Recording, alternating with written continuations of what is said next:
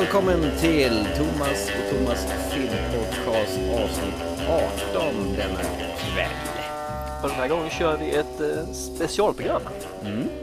Eh, Det här programmet var väl kanske oundvikligt förr eller senare med tanke på att i, eh, den mannen som vi ska prata om nu har ju funnits med mig ända sedan jag började se på film från första början. Det var 43 eller när var det? Kul! Ehm, nej, jag kan tänka mig att jag var någonstans runt 9, 8, 9. Jag var alldeles för ung för att se denna hemliga människa. Men eh, jag fick se det i alla fall när min far släpade hem en VHS-bandspelare en gång i tiden. Ja, för pappa hade ju den här figuren som en, ska- vi behöver inte säga någonting, James Bond. Ja, just det! Vi ska prata om James Bond idag! Den store, mäktige och långlivade. Från sex- början 60-tal till nu. Ja, från 62 i alla fall, om jag ska tänka den officiella eh, filmserien startade igång då. Vad är ditt första möte om vi säger så? Hur började det för dig? Jag har för mig att jag såg den eh, video, givetvis. Osäker på om jag såg den med kompis eller om det var med, ihop med farsan. Jag är faktiskt lite osäker där. Jag tror att det var Goldfinger som jag såg som den första James Bond-filmen. Så Det var liksom den igenom. första Bond överhuvudtaget Det var början. första Bond-filmen jag har för mig jag såg alltså, Goldfinger. Och, alla fall som jag kommer ihåg. Och det man kommer ihåg där givetvis så är det ju För det första är ju den här tjejen som ligger på sängen, den är guldlackerad. Vem vill inte ha en guldfärgad tjej? Det måste ju ha varit rätt farligt egentligen att måla en, en tjej helt i guld. Ja, de sa det. gick något rykte om att det kunde varit farligt att man täckte till alla porer och sådana saker. Men, Ja, om jag man ligger där för länge, vi går och tar en fika, glömmer bort henne. Exakt. Sen har vi ju den berömda laserscenen där som sagt var som en pojkes dröm. Där, bara wow, ljus som skär genom metall. Ja, ja, är det när James Bond ligger på den här eh, guldklumpen och eh, Goldfinger på väg att avrätta honom och Exakt. lasersträl och klyva honom på mitten. Så att det är ju egentligen första minnet jag har av James Bond som sådant. Han är en tuff kille, slagfärdig kille med mycket humor i alla fall och korta one-liners. Och efterhand där så börjar man ju se att det fanns ju mer än en hjälte här. Det fanns faktiskt även underbara skurkar. Skurkarna gör ju egentligen hela James Bond-serien. Yes, det är ungefär som Batman. Det är skurkarna som är det roliga. Batman i sig själv är rätt stereotypiskt. Men här är det samma sak att James Bond utan skurkarna så fanns det ingen James Bond. Och lite brudar också. Ja, fast i början så var inte det någon större eh, hit för mig. Jag var faktiskt så ung så jag mig inte om Skulle säga det, det kanske inte var, det var inte riktigt eh, Det hade inte kommit på finessen med tjejer ändå Nej, eller? jag hade inte det. Jag var ungefär så mycket Mr. Wint och Mr. Kid i eh, Diamantfeber. Ooh, the gay couple! ja men det var, tycker jag faktiskt var rätt strångt gjort att de har med ett bögpar i en James Bond-film Ja, den är ju Ganska tidigt också den är väldigt modig. Men de är ju faktiskt elaka så det är klart de kan vara bögar då. Ja, kommer ju främst ihåg någon scen och stoppa in en skorpion innanför eh, tröjan på någon gubbe ute i någon öken. Det var taskigt gjort. Ja, den är rätt så elak. Och sen så spränger de helikopter efteråt. Och kom, ja, de har så underbara kommentarer. Ja, vi kan ta det sen. Ja, absolut. 71 kom den i alla fall, Diamantfeber. Stämmer bra. Min första Bond-film, det var faktiskt eh, filmen efter Diamantfeber. Det var Leva, låta dö med Roger Moore. Så första James Bond jag såg, det var faktiskt den första film jag såg på VHS överhuvudtaget. Eh, och jag var, jag var helt, jag tyckte det var så fränt. Det, just det här med sån cool eh, agent eh, och eh, snygga tjejer och det var häftiga scener. Just den här scenen när han springer på krokodilerna, kommer du ihåg den? Jajamän. Du menar att vid nio års ålder så tittar du efter tjejer som den värsta playern alltså? I- Alltså, ja, hon eh, Solitär, eh, den här hon som håller på med tarotkorten. Jag tyckte hon var jätteläcker. Men i alla fall, eh, och jag tycker det var skitfränt. Just det här också med krokodilen, att han springer på huvuden. Och voodoo-gubbar som kommer upp i gravar och, nej, det var ju underbart. Jag var helt såld redan då. Och sen, sen började jag liksom mata James Bond. Inte i kronologisk ordning nödvändigtvis, utan bara de filmerna som kom mig över. Och det är Nej. det som är så underbart med James Bond, man behöver inte se dem i kronologisk ordning. Nej, de har någonting som hör ihop, men de hör ihop på ett sätt där du kan se dem i vilken ordning som helst. Mm. Förutom nu i slutet där det bara är en film i taget mer eller mindre. Eh, ska vi backa lite grann och eh, alldeles från början var egentligen James Bond hur han kom till? Yes. Eh, Ian Fleming var ju författaren som eh, skapade karaktären redan 1953 faktiskt.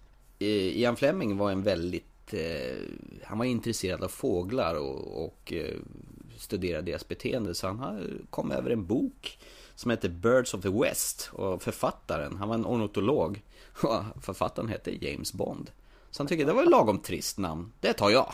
Så han snodde författarens namn rakt upp och ner och skapade en hemlig superagent som jobbade under hennes majestäts hemliga tjänst. Eh, fast det dröjde ju som sagt ända till 1962 innan den första officiella eh, James Bond-filmen såg dagens ljus. Dock hade de ju gjort eh, radiovarianter av James Bond och kortfilmer och någon timmes film för TV men det var ju först då när eh, Harry Salzman och eh, Albert R. Broccoli slog sina påsar samman och eh, skapade filmbolaget EON Pictures, Everything or Nothing. Och började jakten efter att leta rätt på en Vem ska spela James Bond 1962? Och det var inte helt självklart att Sean Connery skulle få rollen. Nej, han slogs väl med några stycken där va? Eller hur var det? Ja, Cary Grant var ju faktiskt påtänkt som, som James Bond från början. Men eh, han tackade faktiskt nej på grund av att han insåg att det här var inte bara en film han skulle spela agent i utan det var ju fyra, fem stycken. De hade ju köpt rättigheter till en eh, väldans massa böcker och han var inte ett dugg intresserad av det. Så han eh, sa tack men nej tack. Och Sean Connery han kom in på deras kontor och, och vägrade provfilma. För han tyckte att jag är ju helt rätt. Det är bara ni tar mig. Det där är så typiskt Sean Connery. Ja, och sen när han klev ut från eh, ja, eh, kontoret där Salzman och Broccoli hade pratat med honom. Då tittade de på honom och gick över gatan och tyckte att han hade väldigt cool stil när han gick och hela hans sätt att röra sig och alltihopa. Och de tänkte att vi tar nog honom.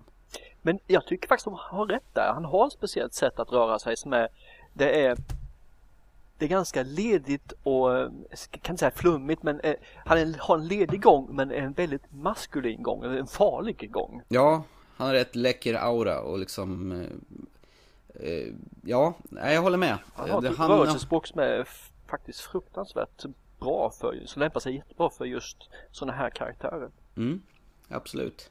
Eh, har du någon så här minne av den första James Bond-filmen, Dr. No? Eller var det allt för länge sedan du såg den? Det var jättelänge sedan som jag såg den. Eh, jag har för mig att det var en eh, rysk tant där med en kniv i skon.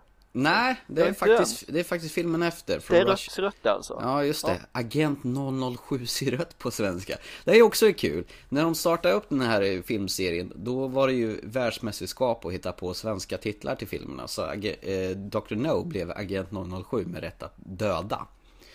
Eh, och följa, uppföljaren från Russia with Love blev Agent 007 ser rött.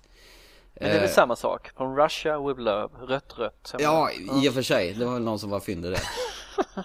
det var ju kul att de inte översatte Goldfinger till Guldfinger. Eller Guldregn för Golden Shower.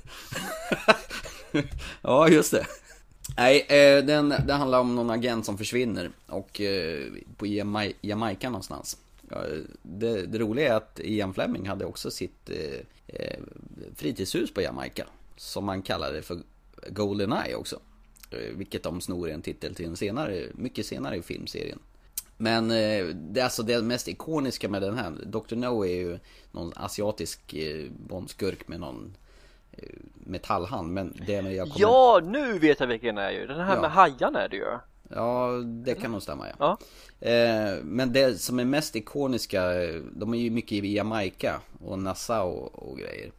Det som är mest ikoniska med den första James Bond-filmen det är nog faktiskt den första James Bond-bruden. Ursula Andrews som kommer upp ur, eh, ur havet. Iklädd i en vit bikini bara och hon har en dykarkniv på sig. Och eh, så står Sean Connery där och eh, James Bond och så säger Oh, are you also looking for shells? No, I'm just looking. Och så tittar han liksom fint på henne då. Grejen med James Bond på den tiden, det var ju jäkligt kvinnoförnedrande egentligen. Han eh, kunde ju snärta till dem på rumpan och eh, i öppningssekvensen på Från Russia With Love så stryper han ju en kvinna med sin egen bh för att fråga var Ernst Stavler och Blowfield är någonstans för att han ska få ut från henne vart han är. Men det var ju den tiden, men faktum är man tittar rätt, bara några steg framåt där så kommer det några starka kvinnor också. Mm. Jo men det gör det. Eh, eh, Goldfinger bland annat, Pussy Galore. Mutta i massor om man ska översätta det över att, eh, ordagrant. Pussy är faktiskt katt. Ja, jo, men galore i massor, så du kan ju tolka det hur du vill. Absolut. ja. Nej, Sean Connery gillar smiska stjärt. Det har han gjort ja. i många av sina tidiga filmer. Jo då, men det, det, är ju den tiden. Det är lite grann som vi snackade om tidigare med Dirty Harry här. Det är ju återigen väldigt sexistiskt där också. Mm. Det skulle aldrig funka idag att de skulle bete sig på sånt Nej, vis. och idag är det ju inte det. Nu hoppar vi kanske i framtiden, men titta på alla de här som kommer nu. Skyfall, Quantum, Casino Så är alla kvinnor riktigt starka, självständiga, tar om sig själv mm. tjejer som jo, kan piska vem som helst med Det är klart att James Bond måste anpassa sig efter tiden.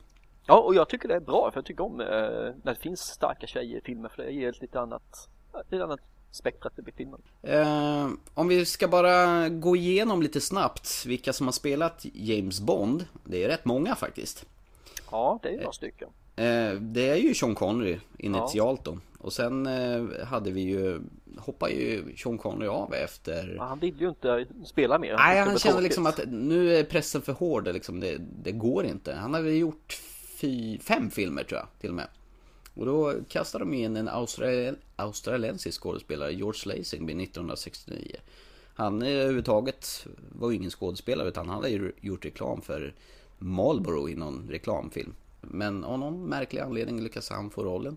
Och han gjorde bara den enda i Hennes Majestät Hemliga ja, Tjänst. Den floppade väl den filmen va? Ja, den floppade ju ganska hårt. Och jag vet inte om, om George Lazenby fick skulden för att den floppade det, någon måste få det efter det hade gått bra när Sean Connery var där och de bytte honom så är det klart han fick bära hundhuvudet. Ja, e, egentligen så tycker inte jag George Lazenby var riktigt så kass som de eh, vill eh, göra sken av. Faktiskt. Om man tänker på den tiden filmen är gjord, 69, och eh, hur filmen gjordes då så tycker jag han gjorde en riktigt bra rollprestation. Jag tyckte faktiskt han är långt bättre än många av de kommande. Han har ju utseendet och han eh, har ju skärmen. Han har ja, ju... Han var en äkta britt i, sitt, ja. i sitt, hur han spelade. Ja, trots att han var från Australien. Så var ju ja, men det är ju britt, är samma sak. Det ja, ja, en eh, brittisk koloni.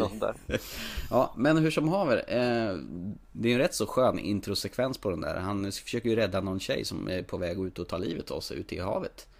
Och så dock så kör, rivstartar min bil på sandstranden så att det trots att det blir däckskri. Det fattar jag inte hur det går till men det är ju sån där klassisk Men det är ju samma anledning till att de bara kör över vägen så exploderar bilarna.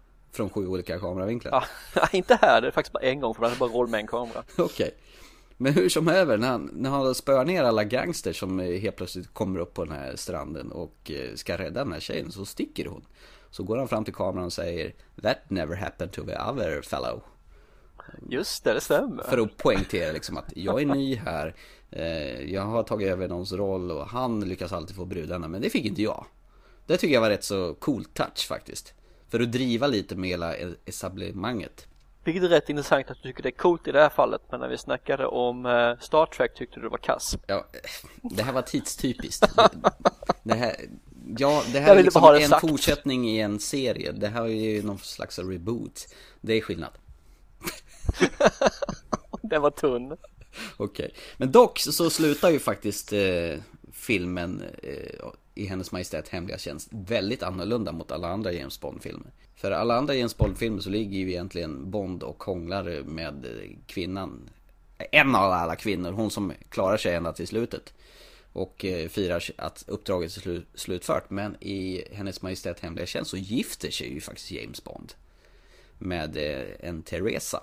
Det är väl första gången han får äkta känslor för en, en kvinna egentligen. Men eh, kärleken blir ju ganska kortlivad för precis efter de har gift sig och ska åka iväg i en bil så kommer ju Blofelds anhängare och, i någon helikopter tror jag och skjuter på bilen och Teresa blir träffad så hon dör som hon dör väl i hans armar och eh, han drar någon replik av att We have every time in the world och så spelar de Louis Armstrongs tema där. Så det är inte samma tema som i början som i slutet av filmen som det brukar vara i de flesta andra. Det är rätt intressant faktiskt för det är liksom ett tragiskt slut på en James Bond-film. Jag vet inte om det gjorde någon skillnad till att filmen floppade för att det kanske inte var publiken var vana vid. Jag vet inte. Det var ju inget lyckligt slut om vi säger så. Nej, jag tycker, Och, eh, jag, jag gillar tilltaget. Men jag gillar ju annorlunda. Jag tycker det är helt okej också. Eller? Ja. Du, jag hörde inte vad du sa förresten. Nej, men jag gillar annorlunda sa jag. Ja. Och jag, jag menar, det kanske var så att de hade gjort, startat upp serien med fem stycken ganska Alltså filmen har börjat gått som på räls, eller filmserien börjar gått så räls. De byter skådespelare och de gör ett helt annat, annan approach på filmen. Och det förstör det kanske. Kan vara så. Och sen så eh, Det som säger fem filmer med Sean Connery. Han är nog Det är ju synonym med James Bond egentligen och så försöker man då få in en ny person. Det, det är svårt och så gör man ett nytt grepp så man byter kanske för mycket saker under en film där som gör att det, det kanske ska vara sådär. Men eh, han kommer ju tillbaka igen här Sean Connery. Ja, efter eh, floppen med eh, George Lazenby. Jag tror faktiskt det var han själv som sa att nej, eller han blev övertalad av sin agent att nej, du ska inte hålla på med sånt där. Sånt där agentlarv, det är ingen som hålls med det längre. För jag har hört det här med att Sean Connery han blev verkligen övertagad att ta en, en säsong till eller en säsong, en film till. Ja, de I lastade väl på en, De lastade på mycket pengar där tror jag för att Ja. de skulle ta det. för att han skulle komma tillbaka i Ja. Diamonds Are Forever. Så att, eh, och det gjorde han ju 1971 och den filmen tycker jag är ganska svag. Förutom det inslaget med de här två bögarna som du pratade om tidigare. Mr. Mr. Kid. Och Mr. Kid.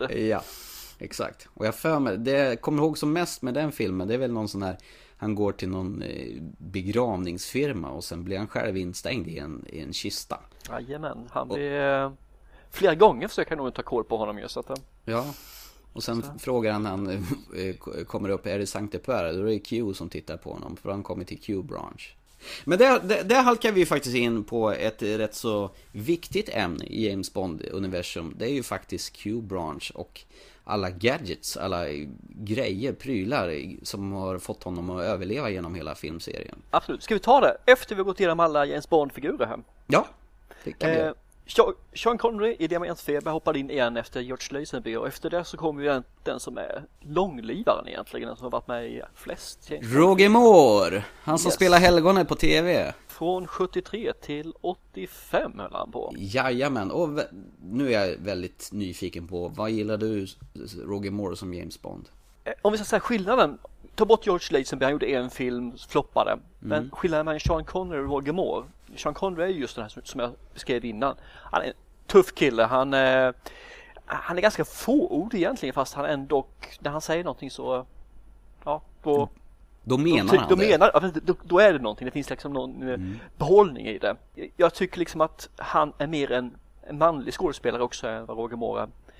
Men Roger Moore tillförde ju någonting tycker jag som eh, inte fanns innan och det var ju komedi. Mm, absolut, han gjorde mer eh, James Bond till en mer lättsam eh, brittisk figur. Ja, en mycket mer komedi än action. Egentligen blev det en eh, komedi action komedi kan man säga. Innan hade det varit en action komedi action. Och jag tycker att Nej, jag, jag tycker han drev det ett steg för långt, Roger Moore. Jag tyckte Sean Connery gjorde det mycket bättre än vad Roger Moore gjorde. Mm, jag håller med faktiskt. Och eh, Roger Moore, men däremot eh, så tycker jag nog att Roger Moore hade snyggare tjejer i sina filmer än vad Sean Connery hade. Jag vet inte om det var på grund av att jag själv blev äldre eller någonting. Eller nej, så kan det inte vara. För jag såg filmerna ganska omedelbums. Nej, men det handlar lite om mode och sådana saker också ju. Så kan det vara. Jag kan säga en av mina favorittjejer över- överhuvudtaget i Bondfilmer det är ju faktiskt Barbara Bach från The Spy Who Loved Me. Det är hon som spelar den här ryska agenten Triple X tror hon heter. Eh, inte att förväxla med Vin Diesel Triple X. Men hon heter faktiskt Triple X. Eh, hon blir av med sin eh, rys eh, ryske man i början av filmen i ett skiduppdrag där eh, James Bond skjuter honom i, i åker baklänges på skidor och sen hoppar ut för ett stup och engelska flaggan vecklas ut i början där. Och, och sen har han ju den här eh, undervatten-lotusen och så vidare. Och, och Jaws eh, dyker upp för första gången. Men hur som helst. Barbara, Bach tyckte jag var helt underbar. Jag tyckte hon var så vacker så att oj vad jag tittar på eh, Älskade spion hur många gånger som helst. Efter det kommer du en nästa en George Lazenby gånger två tänkte jag säga. Ja, Och det är ju Timothy Dalton som dyker in här och gör två filmer. Iskallt uppdrag och Tid för hämnd. mm, just det. Han tillför ju, nu gör de en verkligen omsvängning här. Så nu går du från komedi till råaction alla, ja sent 80-tal här som var på den tiden. Mm. Där det skulle vara hårt, det skulle vara mycket skjuta, det skulle inte vara någonting med att stenhårda människor mer eller mindre. Nej, Dalton han kom ju dessutom från teatervärlden. Han var ju en sån här eh, Shakespeare Macbeth historia. Eh, dock hade han faktiskt fått fråga redan när, eh, när Sean Connery skulle hoppa av. Så att han var egentligen påtänkt ersättare redan i Hennes Majestät Hemliga Tjänst. Okay. Men han tyckte han var för ung faktiskt. Det hade nog stämt faktiskt. ja. Eh, James Bond, jag tror var rör han sig i för ålder? Någonstans 35-45? Ja, någonstans där. Det kan, tycker jag i alla fall att han... Han borde ju vara där någonstans. Han åldras aldrig trots att han har funnits med i 50 år dessutom. Rätt bra gjort. Så är alla män. Ja. Vi kommer eh, upp i 45 års ålder, sen åldras vi inte. Ja. Men däremot så blev ju da Timothy Dalton, han blev kritiserad för att han var lite mer torr. Han var torrare än vad eh, Roger Moore var. Och han hade ingen humor.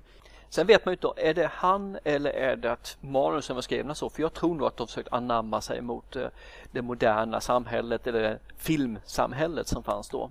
Fast jag tyckte nog ändå första han, försöket han gjorde, den här, vad heter den? Eh, Iskallt uppdrag? Ja, eller The Living Daylights som är mer normal titel tycker jag.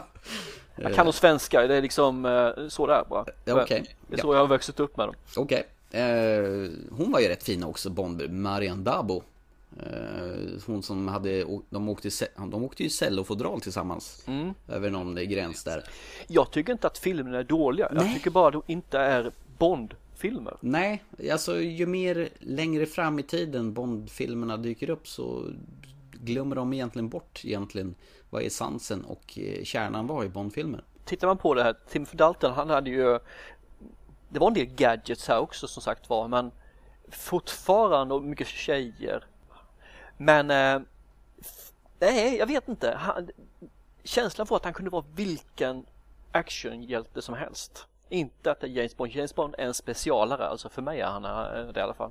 Jo, och det förstörde han väl i uppföljaren, eller uppföljaren, kommande film som kom två år senare efter Iskallt uppdrag om du så vill. Eh, Tid för hämnd hette den då. Eller License to kill. Japp. Och den var ju en riktig slakt på James Bond-serien. För där säger James Bond upp sig eh, för att hans bästa vän Felix Leiter i princip blir matad med hajar och i princip nästan dör. Han blir inte matad med hajar utan hajar blir matade med honom. Ja, det var så jag ja. menade. Tvärtom. En viss skillnad, men okay.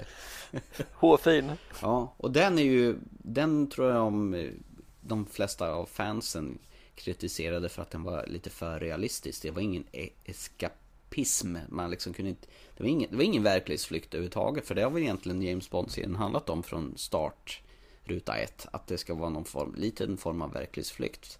För de är ju allt annat än verklighetstrogna, filmerna. Ja, ja, absolut. Och där blev det mer påtagligt att James Bond var bara ute efter en hämnd för att jaga rätt på en, en, en knarkboss. Och här har vi minimerat Bond-tjejerna till två i den filmen. Och eh, jag håller med. Den är våldsam och ja, nej de visste nog inte riktigt var de ville driva James Bond i det här läget. Nej, jag tror de var ett vägskäl och eh, försökte sig på någonting som inte gick. Det roliga är att eh, Timothy Dalton hade ju kontrakt för tre filmer. Men där någonstans så blev det nog rättslig twist. Och eh, gjorde att eh, filmserien blev, eh, den blev pausad helt enkelt. Och eh, till slut så tröttnade Timothy Dalton och insåg att det här blir inget mer. Så han sa att nej, jag vill inte spela längre. Det var därför det tog så lång tid mellan filmerna här Tid för hämnd och uh, Goldeneye. Ja. 89 till 95. Sex år mellan. Ja. Jag kommer ihåg då liksom att jäklar vad jag väntade. För jag, jag hade... mellan två år emellan filmerna i stort sett hela tiden. Ja. Jag tror att första filmen jag såg på bio det var faktiskt Iskalls uppdrag 87. Jag tror jag var 14 någonstans. Var skitorolig om jag överhuvudtaget skulle komma in på filmen. Men det gick ju vägen. Och sen har jag nog följt James Bond på bio sen dess faktiskt. Ja, okej, okay, okay, Ja, och som sagt, som du säger, det tog ju väldans lång tid innan eh, nästa skådespelare fick ta över. Ja, vilket är P.S. Brosnan. Mm. Han hade ju faktiskt väntat på och skulle spela James Bond. För han kändes som ett självklart val och han hade ju faktiskt blivit tillfrågad mycket tidigare också. Men liksom, eh, han satt fast. Han eh, höll ju på att spela en tv-serie, Remington Steel. Och eh, det var ju tanken på att han skulle spela James Bond men då förnyade de serien med en ny säsong så att han kom inte loss. Så han fick nästan vänta i tio år innan han fick spela James Bond igen. Eller Oj. igen, eller igen, innan han fick chansen att spela Ja, James. Bond. Han gjorde i alla fall en fem filmer, fyra filmer gjorde han. Fyra filmer. Ja, det stämmer. Och återigen, här vill de ju tillbaka lite grann känns det till det här brittiska idealet. För egentligen Timothy Dalton var ju faktiskt mer åt det amerikanska hållet. Det var en flört mot USA för att göra det lite grann sådär kände jag. Men här går man tillbaka och göra en riktig britt. Och i Pierce Brosnan är irländare, det är rätt kul. Ja men ja, Whatever. men George Lazenby är australiensare, det är Ja. britt alltihopa det Det följer hela... Eh, Och då går ju lite närmare mot Roger Moore-hållet men utan så jättemycket clownhumor. Mm, Vilket sant. låter positivt när jag säger det men jag tyckte aldrig om honom. Eh, Som eh, James Bond eller? Nej, jag gjorde inte det. Han var för smör, för eh, Mm. vek på något vis. Okej.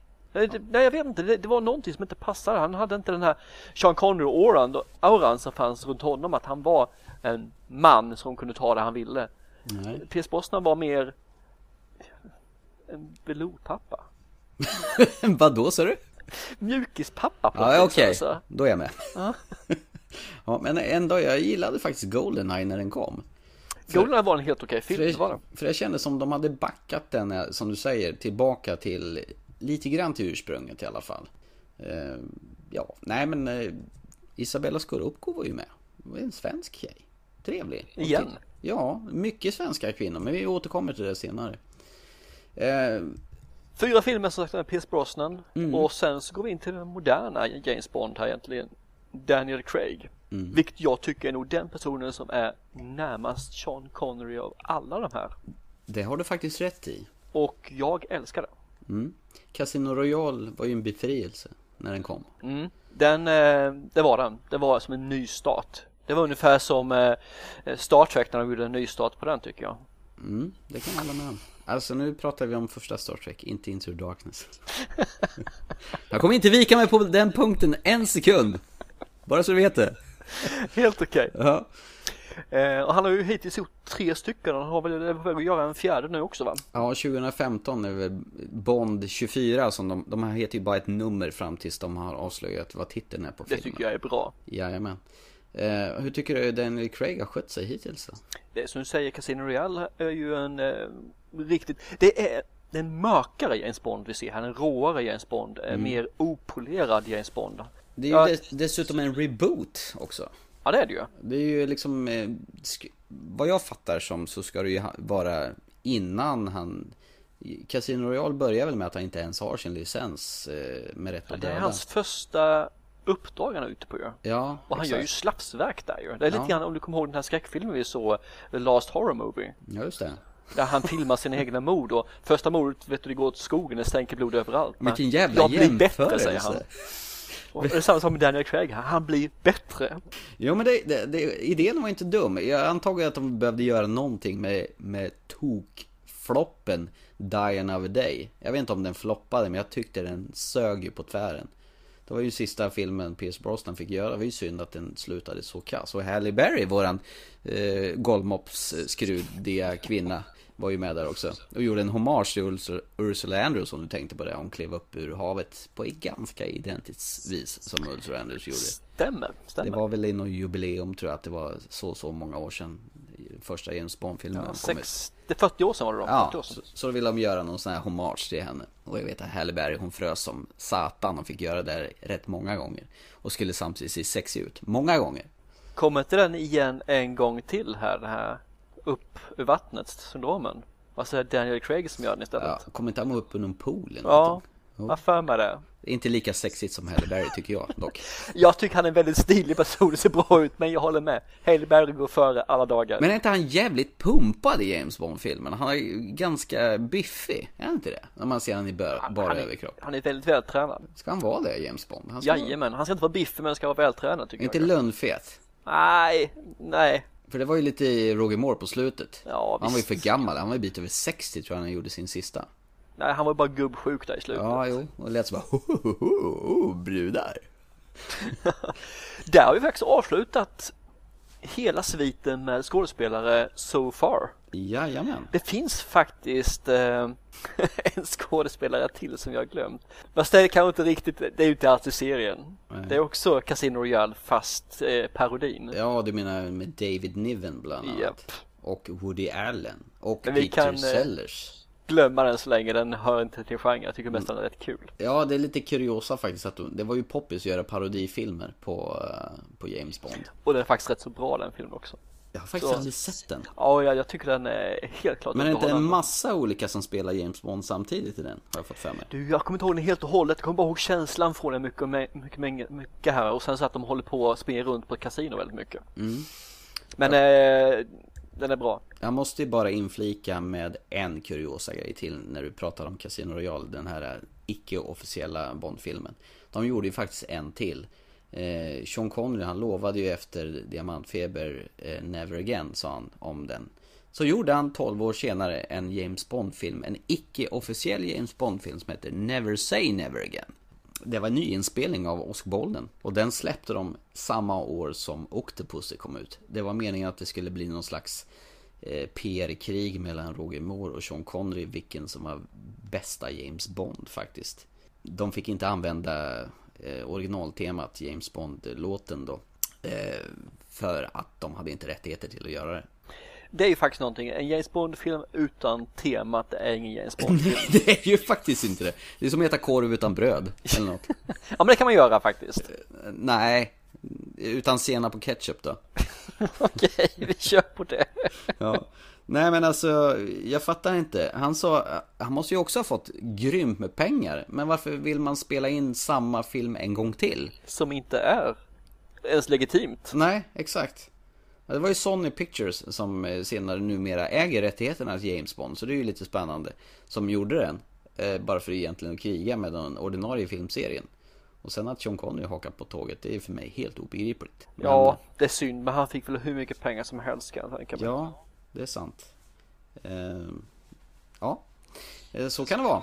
Det var bara en parentes. Yes. Kim Basinger var med och spelade Bondbrud i alla fall i den. Och hon var skitsnygg i den filmen. Kim Basinger är alltid skitsnygg. Det är hon.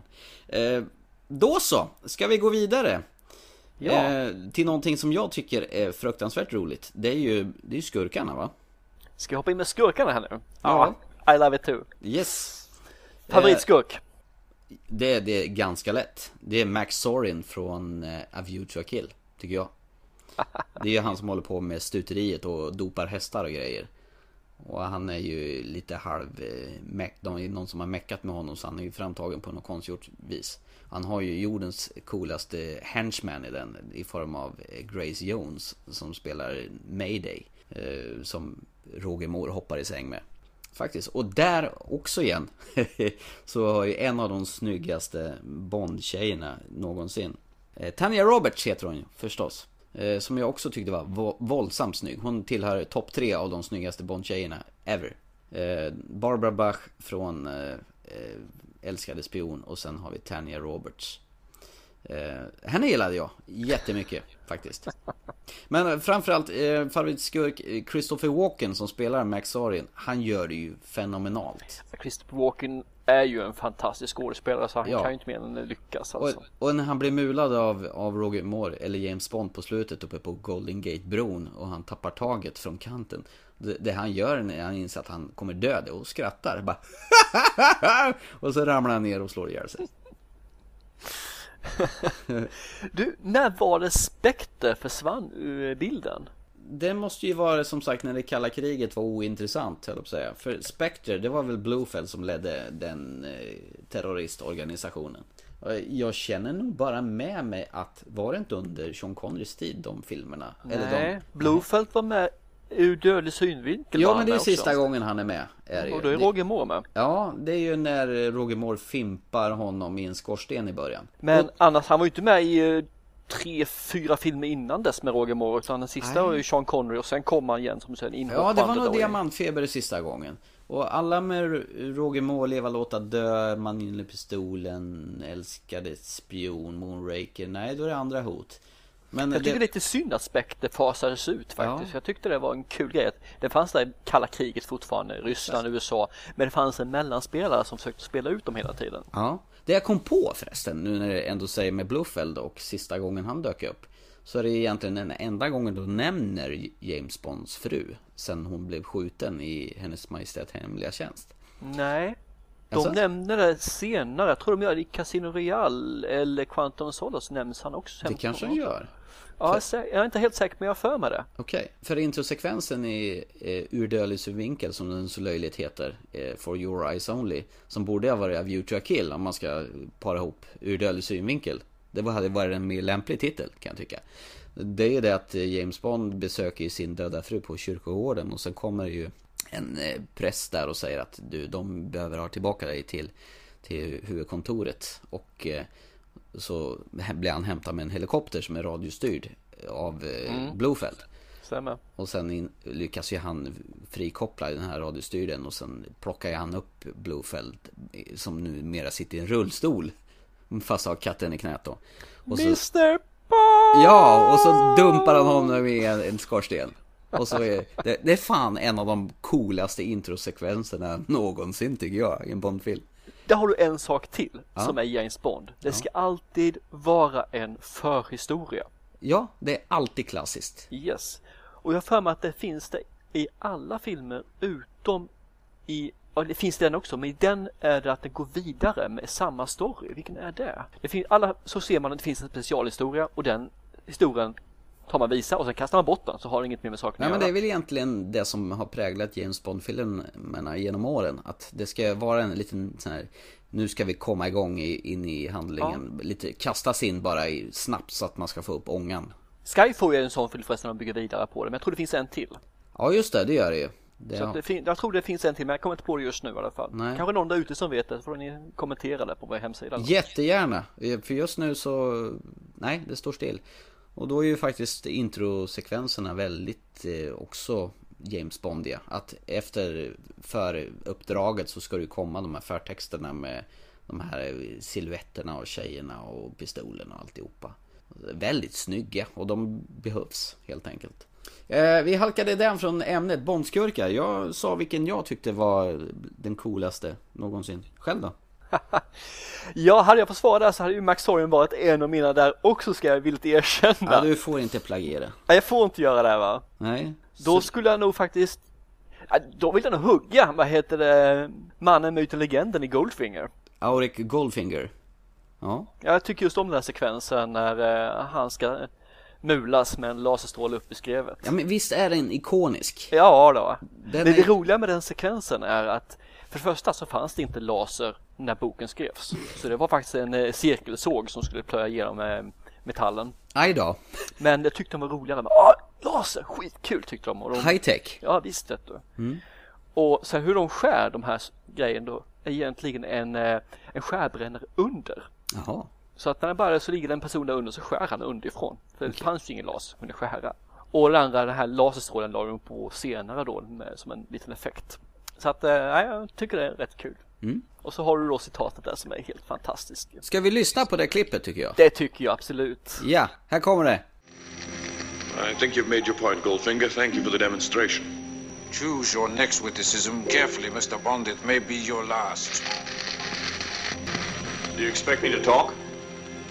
No, Mr. Bond, I expect you to die.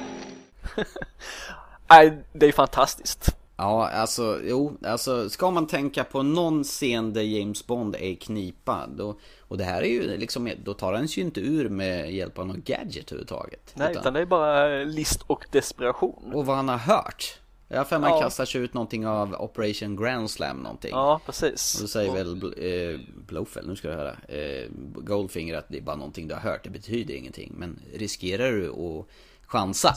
Och så släpper väl han loss honom då Exakt. Han är ju smart, han liksom måste ha, säga rätt saker på rätt ställe, ha rätt prylar på rätt plats och eh, ha en väldans massa tur också kanske Ja. Men inne på det här med eh, elakingar. De har ju alltid en eh, hjälpreda också. Nu tog du orden ur munnen på mig, precis Vad vore skurkarna utan henchmen? Yes. Där kommer vi tillbaka. Vilken är din favorit henchman i sådana fall också? För det är nästan lika viktigt som eh, ärkeskurken. Ja, det är sant. Eh, Jag skulle ju vara skittråkig om jag sa Jaws. Han blev ju en sån riktig publikfavorit i och med Älskade spion. Eh, Han med järntänderna. Som kunde liksom byta eh, av stålkablar och grejer. Så han återkom ju även i Moonraker på publikens begäran faktiskt. De ville ju se honom igen. Yes. Och så gjorde de honom snäll på slutet. Fy fan vad fånigt. Så det, är- alltså det, det är väl bland det fånigaste. Åh, så pratar Han han, blir ju också. älskad ju. Ja men, äh, Jag tycker det var gulligt. Ja. Mat. Nej, jag... Han är den enda, vad heter henchmanen som inte har dött. Ja, så är det nog ja. Den här lille dvärgen i Mannen med gyllene pistolen. Oddjob.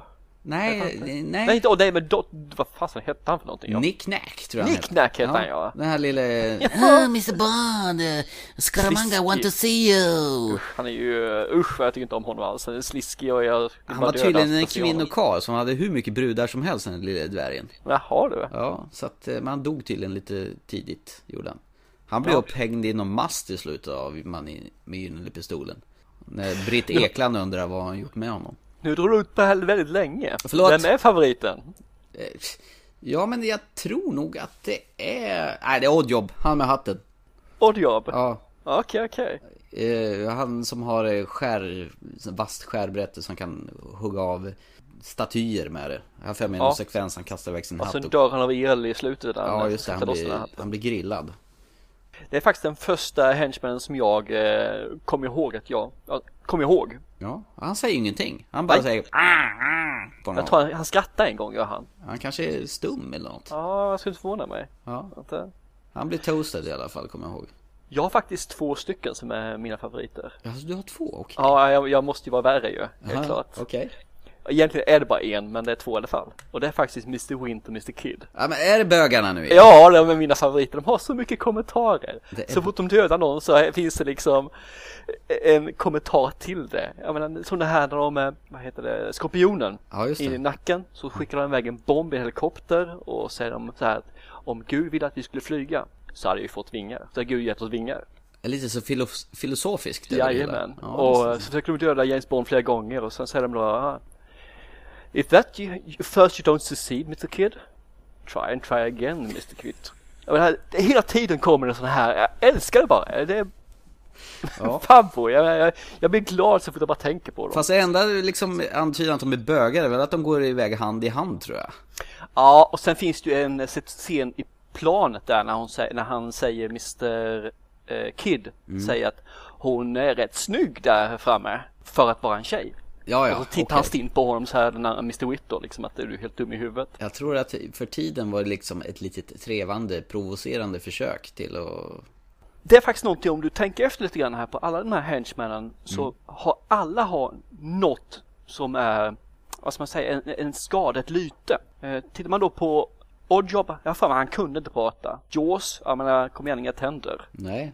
Ja, vad Och- va, va, va, vad är dealen med att han har järntänder för? Jag fattar inte. Det vet jag inte heller han var ju bara någon Han såg typ av- bara cool ut. För alltså Ja. när jag växte upp med det tyckte jag han så han, var- han var cool skurk. Ja, absolut. Han borstade bara av sig när han ramlade ner för en uh, sån här lift i vad de nu var i Rio de Janeiro.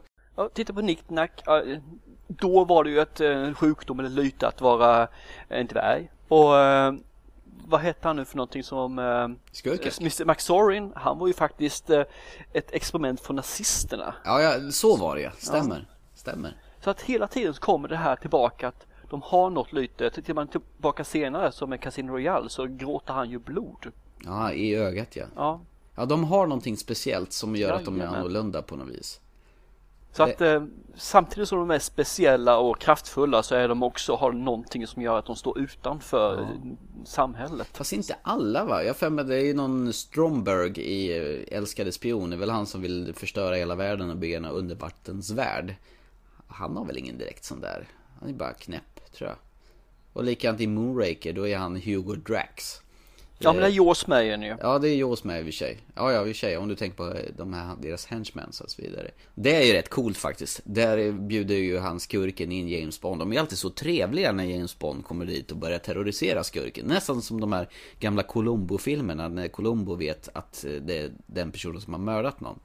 Men då ska de alltid vara så här supertrevliga mot varandra. Men i alla fall, och då är ju han eh, Hugo Drax erbjuder James Bond en gurksmörgås. Det är någon sån här sekvens jag kommer ihåg. Liksom, först bjuder jag på lunch och sen kill him. Ner och skickar dem till fiskarna. Den sista måltiden, det är väl snällt. Ja, det är så det är kanske. Ja men de är ovan... de är väldigt trevliga mot den här agenten trots att han, att han, han är dem på spåren. Ja, jo precis. Belevade och trevliga och sen vill de förstöra väl världen. Alltid. Ja, ja. Men man kan ju vara snäll under tiden. Ja, världsherravälde. Stor, alla har storhetsvansinne, skulle man kunna säga. Och vill förstöra. Fast så är det inte så mycket i de senare Bond-filmerna va? Ja, De, de får väl lite andra agendor, som, som Tid för hem. Då är det någon sån här knarknisse bara. jo, men World is not enough till exempel. Är det inte det att han ska väl stötta allting i kaos, ekonomiskt kaos? Jo, det är sant. Och vad heter den där då? Tomorrow Never Dies. Han som håller på och meckar med tidningsrubriker och grejer. Och vill skriva tidningsrubrikerna i förväg. Och skapa terrorism och grejer. Den tyckte jag inte om. För det gjorde de James Bond till en vanlig actiongubbe. Sprang runt med kulspruta och finessen med Walter P.P. Kane försvann. Utan han var bara en actiongubbe. där. Ja, ja, ja. Kan inte mer hålla med du. Nej, men det, det är en kul tanke i alla fall tycker jag det här med hur, hur man bygger upp filmerna. Mm. Just det här med både, både bad guys och James Bond, good guy då. När det gäller grejerna då?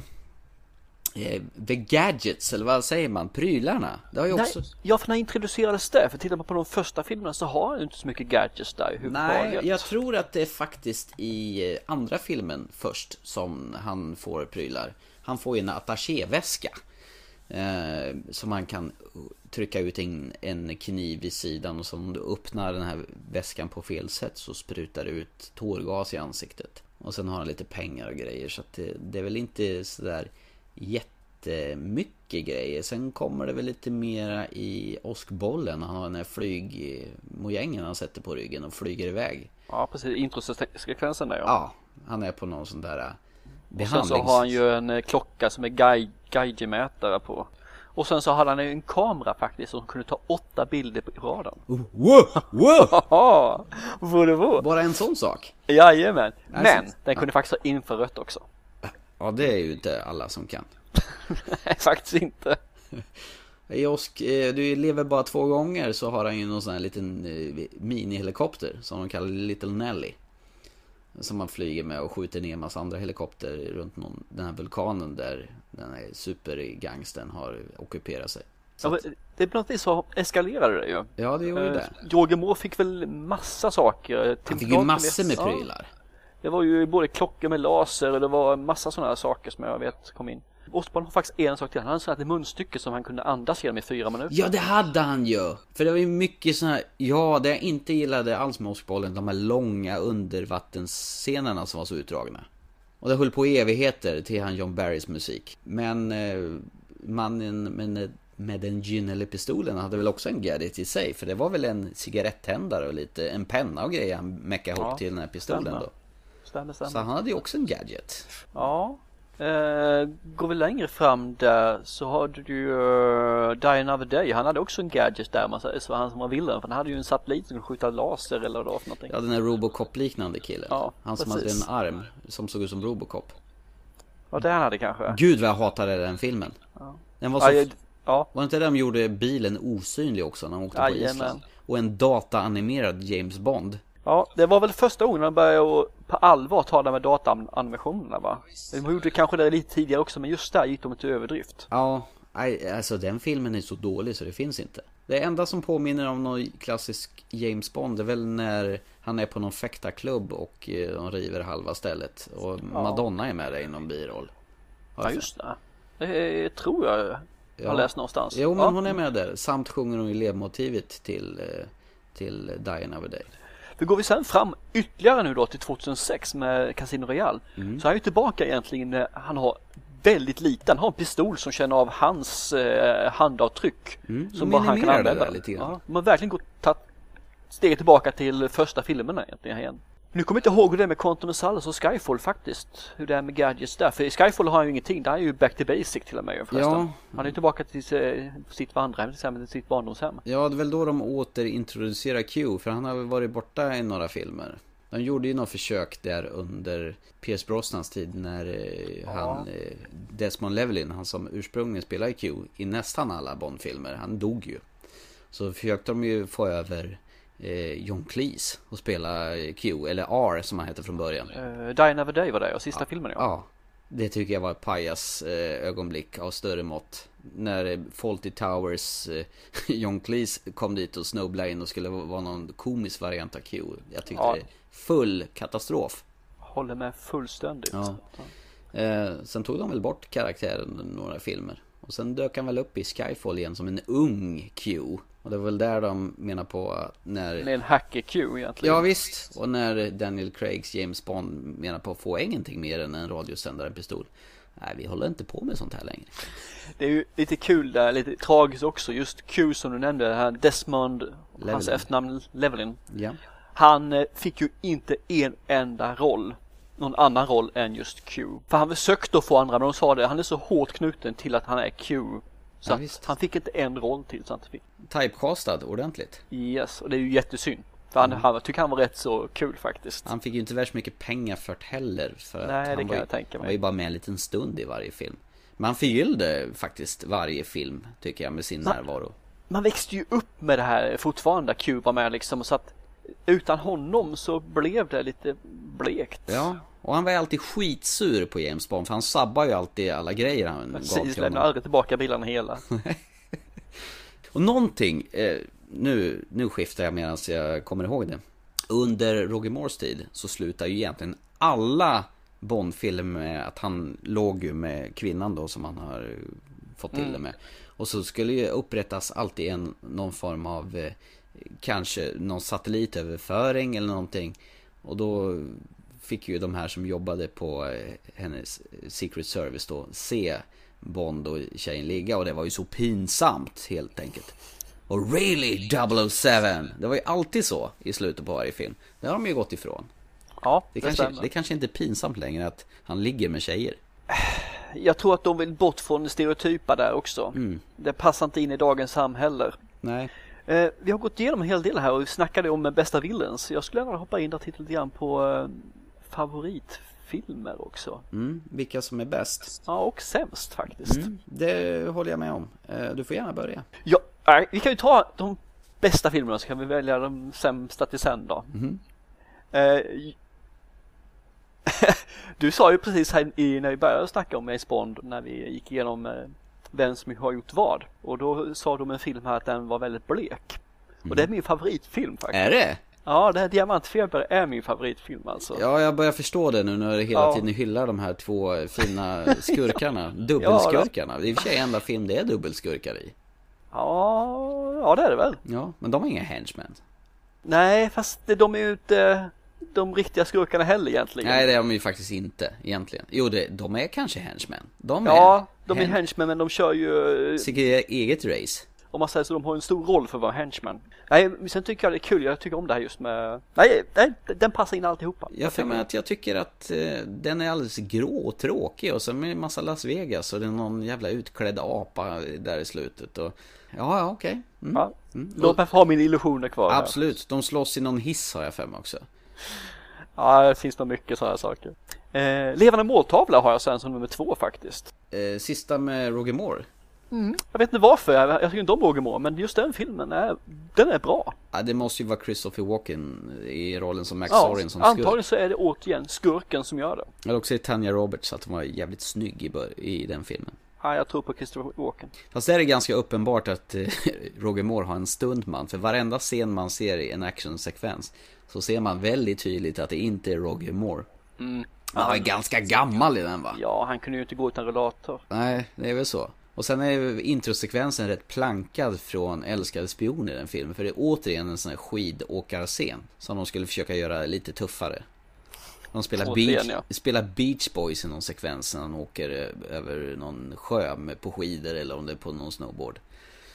Töntigt. Sen så ska jag frångå allting här egentligen. För jag tycker att James Bond var som bäst på 60-70-tal någonstans där. Mm. Men eh, min nummer tre är Casino Royale från 2006. Jag tycker den var riktigt bra. Så det, det är mina tre Topp tre James Bond. Topp tre, James Bond. ja. Okej, här kommer mina då. Ja, Den absolut bästa James Bond-filmen. Jag vet inte om jag skulle tycka samma sak om jag såg filmen idag. Men som jag har det fräscht i minnet. Jag har sett filmerna om och om och om igen genom åren. Så de sitter ganska någorlunda intakt i mitt sinne. Så är det ändå eh, ur dödlig synvinkel, eller For Your Eyes Only. Och med motiveringen att den filmen har precis allt. Den har en väldigt stilig introsekvens. Den här när han släpper Blofeld ner för skorstenen efter en våldsam helikopterfärd som kunde ha slutat i katastrof. Men det gör ju aldrig James Bonds universum. De är på väldigt många exotiska platser. De är, de är och klättrar i höga berg i slutsekvensen i Grekland. De är under vatten. Han åker ner för en, en sån här skidhoppar, backhopparbacke och åker även skidor i rådelslingor och väldigt tuffa skurkar. Massa fina exotiska miljöer och under vatten dessutom är de och åker ubåt. De har klämt in så många James Bond element som det bara går att göra och dess, definitivt dessutom en, en snygg Bond-tjej också som är grekisk. Som är ute efter hämnd. Jag gillar hämnd, jag hämndkvinnor. trodde det skulle komma. Ja. Du märker att, att Bondbrudarna har en ganska central roll i mitt eh, James Bond-tittande. Ja, absolut. Jag tror vi skaffar en stor skylt på på bröstet där det står gubbsjuk. Eh, James Bond det, eller jag? jag tänkte mer på dig där, men... eh, Okej. Nej men jag tycker den har allt. Dessutom ett fantastiskt soundtrack eh, med, eh, som är samma som titeln. For Your Eyes Only med Sheena Easton. Den alltså, när den eh, låten satte igång är ju helt magisk alltså. Så, nej, den, den håller jag faktiskt fortfarande som absolut bästa Bond-film. Även fast jag inte gillar Roger Moore som bästa James Bond så tycker jag ändå att filmen i sin helhet är bäst. Du säger som eh, eh, Francisco Scaramanga i eh, The Golden Gun. Han med tre tuttar, tre bröstvårtor. Yes. I like a girl in a bikini. No concealed weapons. Just det, exakt så. Ja. Eh, huvud på spiken där. Nummer två då? Ja, det är faktiskt, backar jag tillbaka till Sean Connerys era. Och då börjar jag faktiskt rota i vilken av hans bästa filmer var. Jag gillar dem faktiskt allihopa väldigt hårt. Eh, fast jag är svag för Goldfinger. jag. Och det- Jag var nära jag valde den också ska jag erkänna. Ja, och det kommer an på att just det där som du säger, först och främst det som är ögonfallande, det är den här tjejen som blir guldlackerad och lämnad och dö i sängen. Eh, sen gillar jag att den, den tar tid på sig. Det är ganska befriande med äldre filmer, att de har inte så vansinnigt bråttom som de har, som de har idag. Det är något vi återkommer till väldigt ofta just att de äldre filmerna tar tid på sig. Man kan låta folk gå upp för en trappa istället för att ta två steg och sen så klipper man så knackar på dörren där uppe. Ja, är det så att vi kanske börjar bli sega i huvudet? Att vi uppskattar att man hin- hinner med på vad som händer? Eller, eller är det bara det att eh, man Jag tror har... man är trött på det. Det har varit så mycket nu när man hela tiden, jag menar, vad heter den? Deep Blue Sea, eller vad heter den här med hajarna som blir Ja, intelligenta? just det. De här radiostyrda hajarna, ja. säga. Eller. Man fattade ingenting egentligen vad filmen handlade om. Men så läste jag eftertexterna när man hade plockat bort några saker. Och inte eftertexterna utan det här extra materialet. Ja, ja. Och sa han, det här tog vi bort för att det drev inte filmen fram, framåt. Mm. Det här tog vi bort för att det slöade ner filmen. Det här tog bort. Och när jag tittade på de här extra bortklippta sakerna så förstod jag filmen som jag hade sett. Mm. Så att jag tror att man försöker göra det så snabbt nu bara för att folk Är rastlösa av sig kanske? Ja, eller man tror att de är rastlösa. Man eh, nedvärderar folk tror jag. Mm. Jo. Nej men det är ju rätt så befriande. När man tittar på nya filmer så backar man eh, flera 20-30 år och uppskattar man faktiskt den, eh, den tid de tog på sig med scenerna. Och det finns några som har gjort, gör det idag också. De är oftast bra de filmerna. Så att, För att gå tillbaka till Goldfinger så just den här scenen när han spelar golf med Oric Goldfinger är ju helt fantastisk. när han radar sig där bollen där eller? Ja, han byter väl ut bollen, hans Schlesinger number 7 eller vilken det nu är. Eh, Han inser att eh, Goldfinger fuskar. Då tänker ju James Bond att han ska nog fuska han också. Så han på något vis skiftar golfbollarna vilket gör att eh, han, Goldfinger blir vansinnig och Oddjob knycklar sönder den här golfbollen med bara knytnäven vilket jag tror nog är helt omöjligt men hur som haver. ja, det lär det vara. Ja. En liten anekdot är det ju med eh, Goldfinger är ju också att eh, han skådespelaren var ju tysk. Eller om han var schweizisk tysk någonting. När de an anställde honom eh, som rollen som Bondskurk så Broccoli och Salzman ville ju ha honom för att han hade ju hört att han var ju duktig skådespelare i sitt land. Problemet var att han kunde inte ett ord engelska. Så när han kom på till produktionen första dagen och började hälsa till Albert R. Broccoli. Då sa han Hello Mr. Broccoli, it's very nice to meet you. Och det, där slutade hans engelska kunskaper. Så de fick ju dubba honom rätt och slätt. Och det där var ju någonting de gjorde mer förr faktiskt. Ursula Andrews i Dr. No är också dubbad för att hon hade för eh, konstig tysk brytning. Så det dög ju inte för dem. Så det var en annan kvinna som fick dubba henne. Men det gjorde ju ingenting på den tiden för att talet var faktiskt lite, lite grann sådär off-sync. Ja. Oftast i filmen i alla fall. Visst är det Så så? man märkte inte någon skillnad om det var dubbat eller inte dubbat tycker Nej. jag. Och dessutom så sjunger de ju Dr. No. Nu halkar jag in på den på något konstigt vis. Och då är det en tredje tjej som sjunger sången också. Så att eh, Ursula Andress hon fick bara vara med visuellt. Och en annan tjej som sjunger och en tredje som pratar henne. Taskigt. Och i Goldfinger så är det en annan herre som dubbar den skådespelaren. Eh, det som också gör Goldfinger så nice det är ju den här slutsekvensen. eh, På när han ska råna Fort Knox och sno hela guldreserven. Så har- han ju ställt in en, eller råna, de ska spränga Fort Knox. Jag ska de inte kontaminera den? Jo, de ska jämna vid marken va? Ja, i alla fall de ska göra en radioaktiv som man kan använda den på de har någon bomb i alla fall som är på väg att smälla av där. Och eh, naturligtvis så, så ser ju till James Bond att han eh, ser till så att den här bomben stannar ju och på den finfina eh, tiden 007. Det var ju fyndigt. Ja, annars brukar det vara 001 Ja, annars. precis. Men här var ju någon som hade tänkt till. Klart vi ska stanna den på 007. Ja, men det tycker jag var kul. Jo, den gillar jag. Och sen min eh, eh, bästa film nummer tre. Jag kan ju bara hålla med dig. Det är ju Casino Royale. Oj! Jag var så jäkla nöjd. Men det får du inte göra. Ja, men jag gör det i alla fall. Jag fick inte plagiera dig alltså. Ja, men det är skillnad. plagiera mig. Det är skillnad. Ja, det är lugnt. Nej men alltså jag var så jäkla lycklig efter katastrofen med Diana of Day. Jag var verkligen ett av mina största hatobjekt. Eh, det här avslöjar jag faktiskt en av mina tre sämsta. Men skitsamma. Jag var så glad över att de hade fått liksom fart på serien igen och gett nytt blod. För det känns som att James Bond gick på konstgjord andning. Den här serien kommer gå i graven. Ja. Och så det var väl kanske det bästa de kunde göra i en reboot av serien. Problemet är att de inte lyckades följa upp Casino Royale med eh, Quantum of Solace, nej. eller Sky, Sky, ja, Skyfall är okej men det är fortfarande inte någon sån där höjdare faktiskt. Skyfall har faktiskt blivit ratad som en av de bästa Bond-filmerna. Jag tycker inte det. Nej. Det gör jag inte. Nej. Men okej, det är jag. Ja. Nej, det kan jag faktiskt hålla med om. Jag gillar den initialt, men sen när man liksom börjar bryta ner filmen i eh, nivåer så inser man att det är inte en genuin Bond-film överhuvudtaget. Eh, det är ju, alltså skurken har ju en helt annan agenda än vad skurkarna brukar ha. Och eh, det är så mycket element i filmen som det vill vara James Bond, men det är egentligen bara en hyllning till James Bond. Casino Royale var ju faktiskt både finurlig, den var rolig, den var spännande och den var Och modern måste jag säga.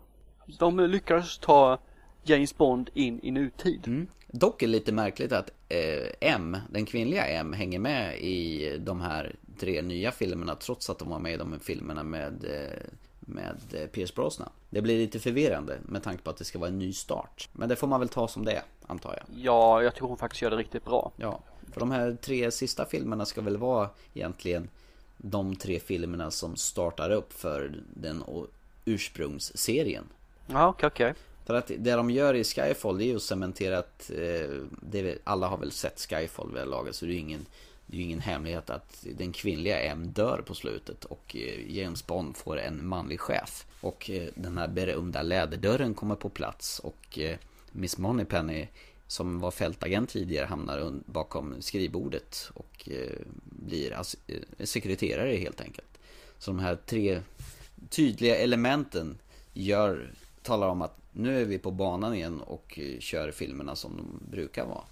Men eh, på ett mo- modernt vis. Jag hoppas det. Jag hoppas att jag kan ta upp det. Men fortfarande vill jag ha anden eh, som finns från tidigt 60-tal där som sagt. Mm. Ja, ja, det ska bli intressant att se. Det ska bli intressant att se. Men om eh, två år får vi se det. Ja, det dröjer lite grann. Och det är faktiskt eh, samma regissör som ska göra nästa Bondfilm. För han fick så fruktansvärt bra lovord av eh, hela filmteamet och världen över. Så att han får en chans till att göra nästa Bondfilm. Okej. Sam Mendes tror jag han heter. Vet du någonting om den filmen?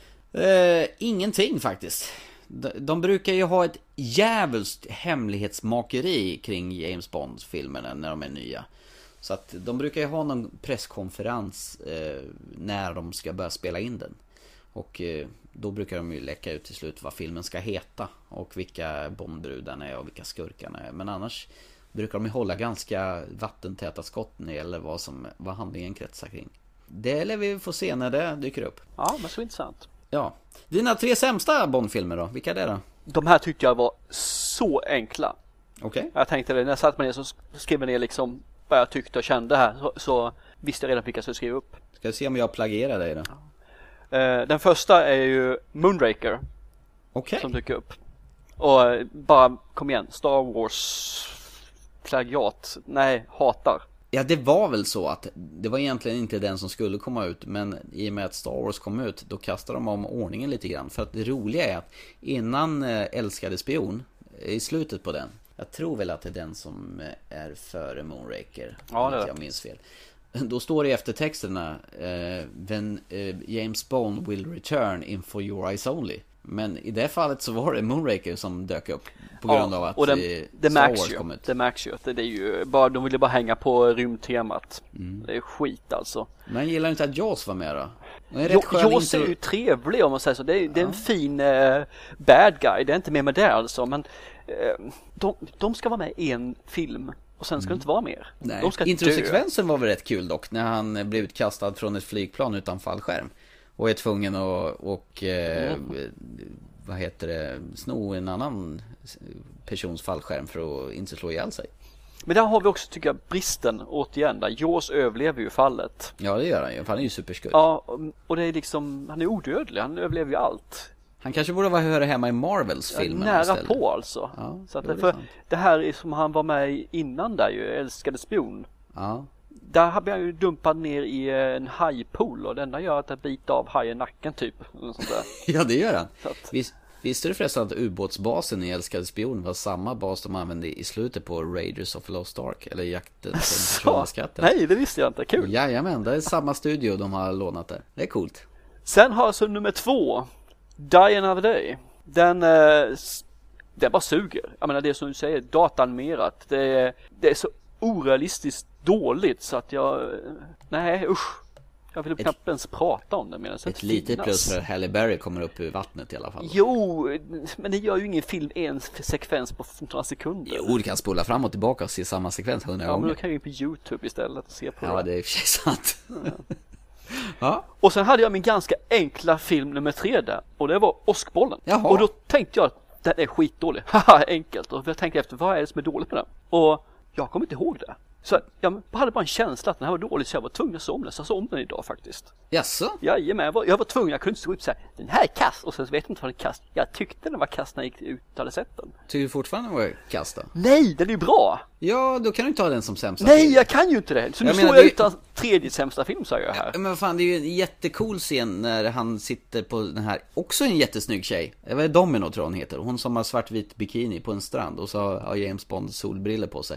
Så säger han Vargas is behind you, really. Så tar han fram ett harpungevär och sen bara skjuter på en helt nonchalant och spetsar honom till ett palmträd. Det är så coolt så det finns inte. I think he got the point, säger Ja han just också. det. det är alltid såna här punchlines eller one-liners han dräper hela tiden. Men det är ju Sean Connery det är ju. Ja visst. eh, Nej men, eh, vad att- heter båten? Disco Valente heter den va? Ja just det, tror Ja. det i alla fall. Och, så jag, jag stod där utan tredje film, som kassfilm. Så att jag får hugga en och det får bli Quantum of Solace. Du, du, det kan jag faktiskt hålla med om. Så att men, eh, det tycker det är kul när man har, för jag har, jag har jättedåliga vibbar, jag hade jättedåliga vibbar från den här filmen. när jag gick ut, när vi såg den här liksom så alla mina kompisar tyckte den var skitdålig. Jag tror de stressade fram den ganska raskt efter succén med Casino Royale. Och, och jag för mig Casino Royale var väl inget direkt avslut på utan Quantum Solace skulle väl liksom egentligen Den börja. började ju i stort sett där den slutade. Ja visst, det var ju synd bara att den var ju så fantastiskt mycket sämre än vad Casino Royale var. Det var ju katastrofdålig, eller taget kommer jag knappt ihåg vad Quantum Solace handlade om. Nej, det är storsta kommer ihåg det är den här som håller på att hoppa på stängslen och som en apa med eh, fjädrar under fötterna. Sju sorters apa. Ja, hon är 8 13 också. Ja, och det. så skulle då James Bond hoppa efter där som något annat. Ja, det bara känns Men du, är inte det i början på Casino Royale? Nej, det är det väl inte va? Jo, Usch, för att i ja, det början det på, Cas- på Quantum Solace är det en jävla biljakt. Han åker i någon BMW. Och det man så? fattar inte om han blir jagad eller om Just han det, jagar. nu blandar jag ihop dem. Det De hade ju gått loss i 120 och tittat på Jameson Bourne-filmerna och alla kameravinklar ner från växelspakar och alltihopa. Och det var ju bara epilepsianfall och man fattar inte vad som Ja, hände. jag, så jag kommer inte ens ihåg filmen. Däremot så håller, håller jag med vidmakthåller fortfarande den scenen har skuttat runt där är dålig. Och ja, men det är ju Casino Royale, det. Det det. det är en av dina favoritfilmer, så Ja. det rimmar illa. Ja, den är fortfarande dålig. Okej. Men Casino Royale är bra som film, Ja. helhet. Fick jag det sagt? Det stod om det. ja, det är Den sant. är dåligt bra. Nej, den är bra. Det är bara att det är den scenen som jag retar mig på. Just att, nej, det går inte hem hos mig. Ja, okej. Men har rätt. Quantum Solace är den andra hispiga saken. Jag Mm. som sagt jag kommer knappt ihåg vad den handlar om. Och eh, vill gärna behålla det så tror jag också. Det är mina tre. Moonraker, Die Another Day och eh, Quantum of Solace. Mm. Shoot man. Ja, då eh, drar jag mina då. Eh, Den absolut toksämsta, jag kan bara in, instämma, det är faktiskt vi börjar bakifrån. Eh, tomorrow, fan vad, vad orimligt det här låter och luddigt. Men eh, Tomorrow Never Dies, Pierce Brosnan. Den här med tidningsmagnaten eh, Terry Hatcher var ju med från Louise och Clark. Hon var ju jättefin. Tills hon dör. Ja. Och Bond dricker, eh, fan om det var Koskenkorva eller om det är den andra. Smirnoff är det va? Smirnoff är det ju tusan. Det måste vara den sämsta reklamen för Smirnoff någonsin. När Jens Bond häver i sig en flaska och är inte ens lullig efteråt. Nej, han drar i sig det rent dessutom. Ja visst, bara Ja. här, svepa i sig som issnapsglasen. Ja. Och han, just, han är inte ens ja. lullig efteråt. Den här på att kom igen, dricker jag en liter Smirnoff så vill jag vara lite under fötterna i alla fall. Exakt. Och den var ju väldigt hårt eh, sponsrad tror jag av BMW och eh, Sony Ericsson. För det börjar bli sådana tydliga, eh, alltså och inte bara kan- det, kommer du inte ihåg det här, jag tror det var Mastercard eller American som han dyrkade upp låset med. Så han visar upp det för kameran Ja, och sen för han in det och... Och, och flyger British Airways och alltihopa. Mm. Så det är liksom eh, produktplaceringen Ja det var ju en reklamfilm rakt igenom det stämmer. Ja, jo, visst hovar in en väldans massa pengar på alla reklamintäkter i de här filmerna. Vilket verkar vara väldigt mer och mer viktigt för att få budgeten kanske till, till sådana här storproduktioner. Men hur som haver, de har ju någon Får jag hoppa, jätte... bara ta en, det här, jag stör in här. Det finns faktiskt en produktplacering som jag älskar. Som är Mm. helt fantastisk, det är Dum Dummare. Eh, Heineken, eller Budweiser, gör eh, de produktplaceringar där på när de dricker öl när de åker bil. Så gör man så visar de upp den här Budweiser-etiketten som de gör väldigt tydligt.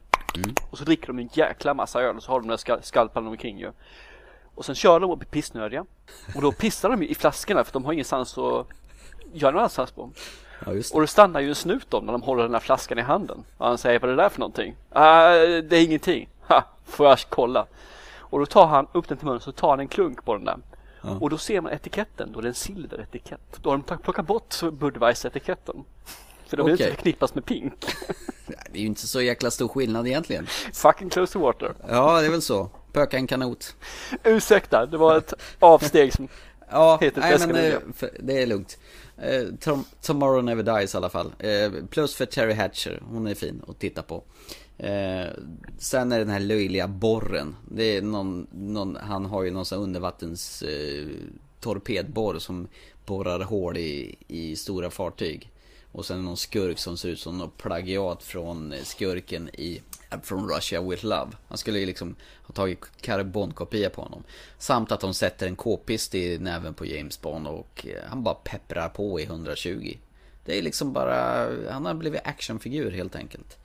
Eh, gillade inte alls den, aldrig gillat den. Jag har sett om den flera gånger och försöker gilla den.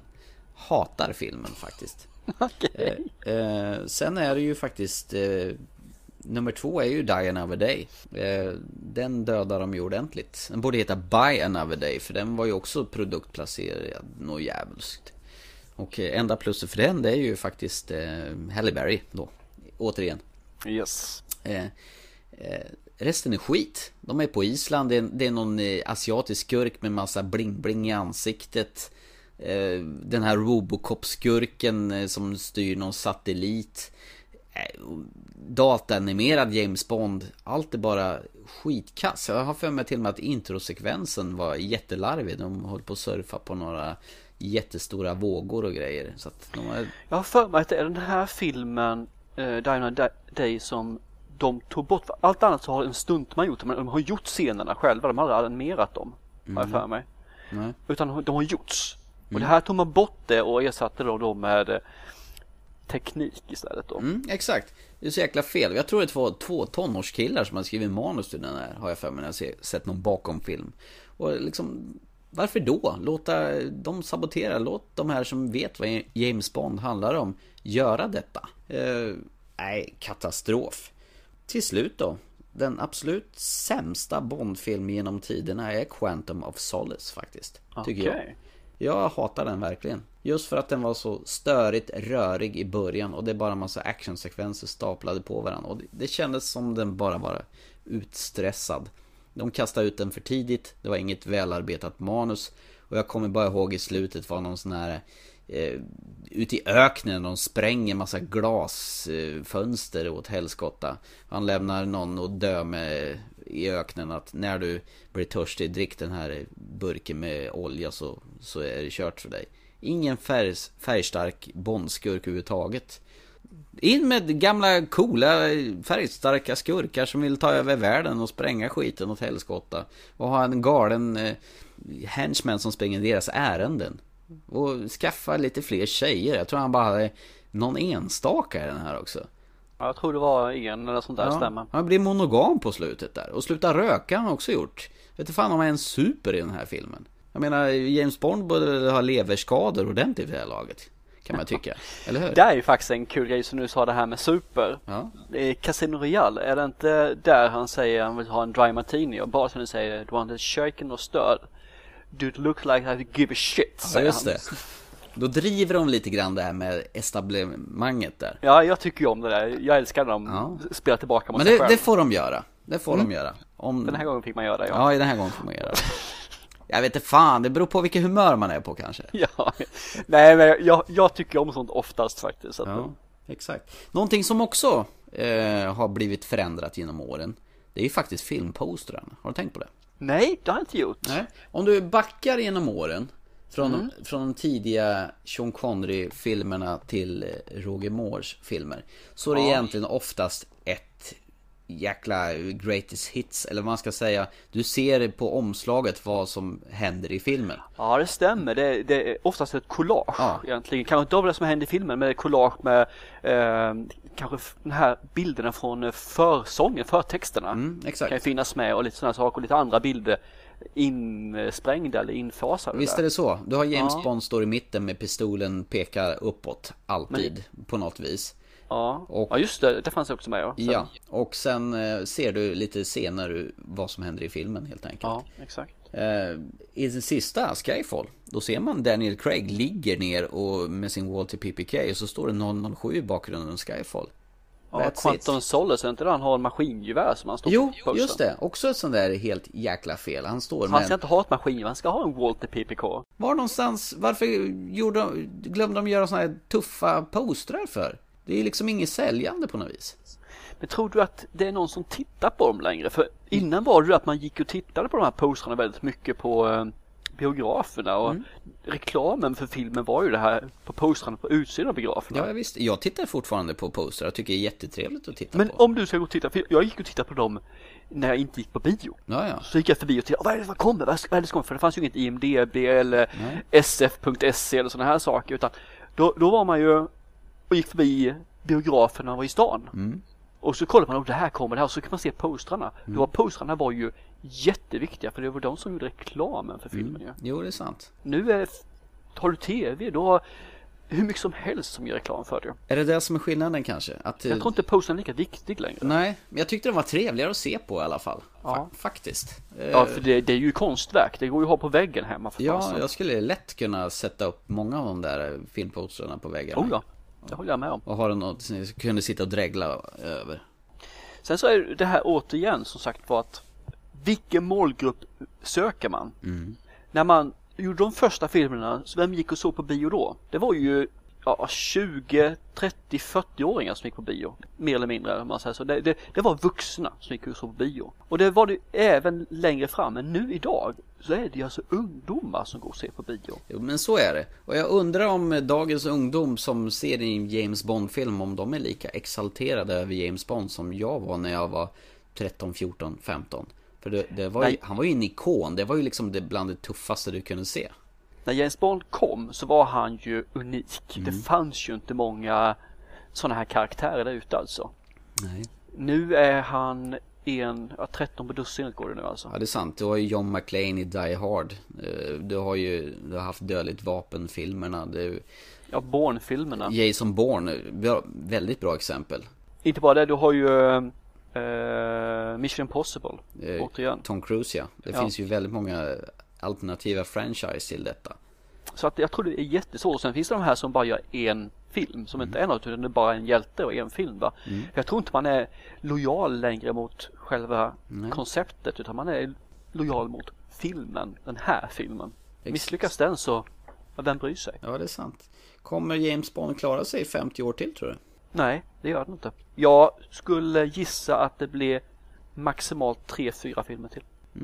Och sen är det kört menar du? Sen är det kört. För tittar man på det här nu återigen som jag säger, vem går och ser på James Bond? Du, jag gör det. Absolut.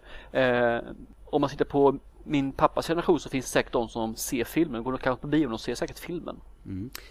Men de slutar ju efterhand och det är samma sak här, anden försvinner för de vill ju plocka upp nya tittare, nya som går på se på en bio liksom. Och då måste man ner i åldrarna och då attraheras inte jag lika mycket av det som 15-åringar gör. Nej, är det därför förändringarna har blivit som de har blivit i de nyare Bond-filmerna tror du? Kanske. Så jag tror inte det. Som sagt var, fyra filmer. Fram till dess så får man väl, eh, eller så länge får man väl titta om de gamla. För de är ju rätt så trevliga att se om då och då, tycker jag. De håller fortfarande, som jag sa, Åskbollen 65 håller fortfarande. Så att Ja, eh, man får vi ju- fick mig att svänga från att inte tycka om den till att tycka att den är riktigt bra. Man får ju se det som tidsdokument också. Eh, hur... Så är det. Man får se det, man får ju, man får ju inse att det finns inga Bildkvaliteten är dålig, ljudkvaliteten är urusel. Skådespeleriet är helt annorlunda mot vad det är idag. Men eh, jag, jag har inga problem med det. Inte ett smack. Så kom vi fram till vem som var den bästa James Bond genom tiderna då? Sean Connery. Sean Connery, jag håller med. Utan tvekan. Sean Connery, han är den som har, han började och han dominerade och det är ingen som egentligen har kunnat ersatt hans stil och sätt att vara. Han, han var mannen med stort M. Han, han, han hade den här riktiga maskulina utstrålningen. Nu låter jag väldigt gay men han, han var, hade det alltså. Så att, eh, nej, jag, jag älskar honom. Och han är fruktansvärt bra. Han är helt rätt för den rollen. Och är det någon som inte håller med oss så får de gärna skriva en, en, en liten rad och säga varför vi har fel. Ja absolut, det här borde ju vara ett ämne som borde folk ha åsikter om. Och eh, gå gärna in på våran eh, Facebook-sida, Thomas och Thomas Filmpodcast och skriv någonting om James Bond. Jättenyfikna på vad ni tycker om detta. Absolut. Ja. Det känns vi har avhandlat från början till slut och lite kors och tvärs också. Ja. Och ett par sidosteg som kanske inte hörde hemma här men vi tog med i alla fall. Jag tycker det, och det var vansinnigt trevligt att diskutera James Bond. Alltså det känns som att du, ditt hjärta blöder mycket mer för James Bond än vad- mitt gör. Ja, Jag är så uppväxt med det hela och Ja. som sagt jag började min eh, filmkarriär och såg den första film jag egentligen såg som jag tog till mig det var ju faktiskt en, en James Bond film, Leva och låta dö. Ja. Och det har ju funnits med mig så länge mitt filmintresse har funnits. Så att det är ju liksom, jag är ju vansinnigt glad att det här, den här filmserien lever och fortfarande andas. Du får njuta ett tag till. Jajamän. Och med det så tror, tror jag nog att vi är färdiga. Det tycker jag absolut vi är. Jättekul och nästa program så är vi tillbaka i ordinarie ordning och eh, kikar på ett par nya aktuella filmer. Och till dess så säger vi väl hej då och lev väl och må bra. Det gör vi. Ha det gott allihopa.